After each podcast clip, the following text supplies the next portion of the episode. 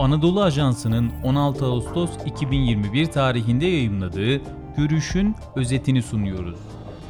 Görüş Seçim hayallerinden bölünmenin kıyısına Libya'da Birleşmiş Milletler ve Batı sponsorluğunda sivil iradenin katli Yazan Ufuk Necat Taşçı Seslendiren Sefa Şengül Yıllardır iç savaş ve istikrarsızlıkla mücadele eden Libya'da 30 Ocak 2021'de Birleşmiş Milletler nezdinde düzenlenen Libya Siyasi Diyalog Forumu çatısı altında ülkeyi 24 Aralık 2021'de seçime götürmesi planlanan geçici hükümette yer almak için başvuruda bulunan adayların isimleri yayınlandı.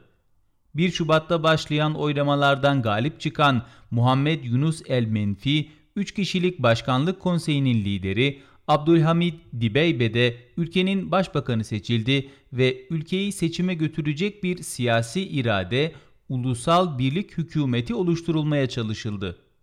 Her ne kadar pek çok kesimce olumlu ve umut verici bir gelişme şeklinde tanımlandıysa da aslında Birleşmiş Milletler ve batılı ülkeler sponsorluğundaki bu sürecin Libya adına yeni kaosları beraberinde getirebileceğini daha önceki yazımda dile getirmiştim.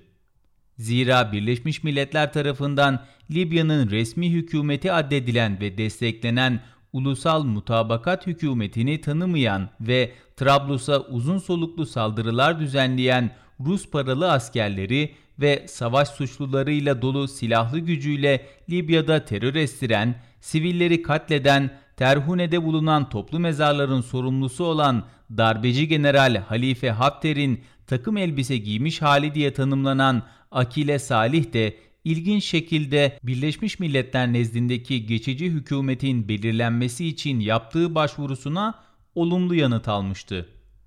Birleşmiş Milletler öncülüğünde 30 Ocak'ta gerçekleşen foruma kadar Birleşmiş Milletler'in desteklediği hükümeti siyasi ve askeri zora sokmayı temel prensibi haline getiren darbeci Hafter ve onun destekçisi Akile Salih'in kendi siyasi geleceklerini tehlikeye atacak bir girişimi kabullenmeleri de beklenemezdi. Bütün bu karanlık sicile rağmen Birleşmiş Milletler tarafından ülkenin geleceğinde bir rolü olmalarını engelleyecek herhangi bir somut adımın atılmaması, Hafter'e bağlı milislerin savaş suçlarının ve sivil katliamlarının araştırılmaması da Hafter-Salih ikilisinin bugünkü özgüvenini açıklar nitelikte. Nitekim Libya'da Şubat'tan beri yaşananlar da bize bunu gösterdi. Geçen 6 aylık süre itibarıyla Hafter'in askeri yapılanmasını Rusya ve Birleşik Arap Emirlikleri sponsorluğunda tahkim ettiği ülkenin Birleşmiş Milletler öncülüğünde düzenlenen toplantılar sonucu seçilen Başbakanı Dibeybe'nin kendi bölgesindeki Benine Havalimanı'na inmesine engel olduğu ve Akile Salih'in ülkeyi seçime götürmesi planlanan hükümetin bütçesini defaatle onaylamadığı bir kaotik sürece girilmiş bulunuyor. Libya'yı bekleyen bölünme planı Darbeci General Hafter ve Akile Salih'in bu adımlarının arkasında ne yazık ki Birleşmiş Milletler Güvenlik Konseyi ve NATO üyesi ülkeler de var. Bilindiği üzere ulusal birlik hükümetinin kurulmasına ve ülkeyi seçime götürmesi hususunda mutabık kalınmasına rağmen Rusya ve Birleşik Arap Emirlikleri öncülüğündeki Hafter destekçisi Gölge Koalisyon Fransa'nın da örtülü iştirakiyle Hafter'i hala askeri olarak tahkim ediyor. Şam'dan havalanıp Hafter'in kontrolündeki Benine Havalimanı'na inen ve Suriye rejimi askerlerini ve eski DAEŞ militanlarını taşıyan uçuşlarla Hafter yanlısı militanlar Libya'ya sevk edilmeye devam ediyor. Rusya'nın geçtiğimiz Haziran ayında Hafter kontrolündeki Bingazi şehrinde konsolosluk açması bu gölge koalisyonun Akile Salih kullanılarak dillendirilen paralel hükümet girişimine yönelik bir hazırlık içinde olduğu ihtimalini güçlendiriyor.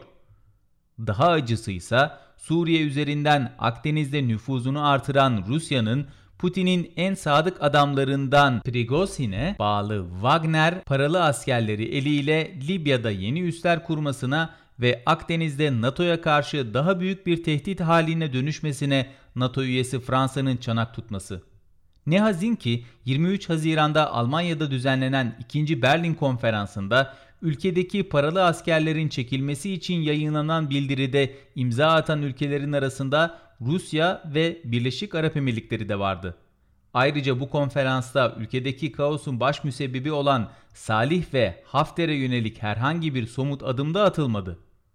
Birleşmiş Milletler nezdindeki geçiş sürecini kendisini askeri olarak tahkim etmek ve siyasi planlarını hazırlamak için bir fırsat olarak kullanan Hafter'in Libya Siyasi Diyalog Forumu çatısından çıkan kararlar gereğince ülkenin geleceğinde var olamayacağını görmüş olması iki muhtemel senaryoyu öne çıkarıyor ya bugüne kadar savaş suçlularına, delinen ambargolara, Hafter'e ve destekçilerine karşı ses çıkarmayan Birleşmiş Milletler, mesela doğuda Hafter milislerinin silahlarının gölgesinde gerçekleşebilecek şaibeli bir seçim gibi, Hafter'in de siyasi sürece dahil olacağı alternatif bir zemin hazırlayacak ya da ülkenin doğu ve batı şeklinde en az ikiye bölünmesi karşısındaki pasif tutumunu devam ettirecek. Ulusal Birlik Hükümeti'nin mevcut Dışişleri Bakanı Necla Muhammed El Menguş'un dahi zamanında Hafter'i bir kahraman ilan ettiği siyasi atmosferde Dibeybe öncülüğündeki kabinenin ülkede adil bir seçim ortamı sağlaması ihtimali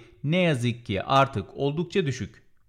Uluslararası toplum, Batı ve Birleşmiş Milletler ne yazık ki Rusya'nın Akdeniz'i çevreleme stratejilerine Birleşik Arap Emirlikleri öncülüğündeki kaos finansörlüğüne karşı sessiz kalıyor, demokrasiyi savaş suçlularının iktidarının kendi çıkarlarıyla örtüştüğü noktaya kurban etmekte bir beis görmüyor.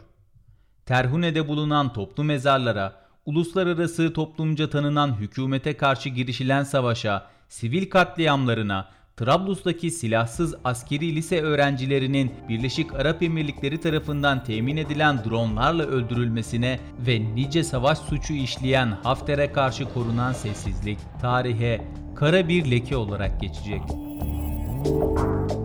Spotify, Apple Podcast ve diğer uygulamalar. Bizi hangi mecradan dinliyorsanız lütfen abone olmayı unutmayın.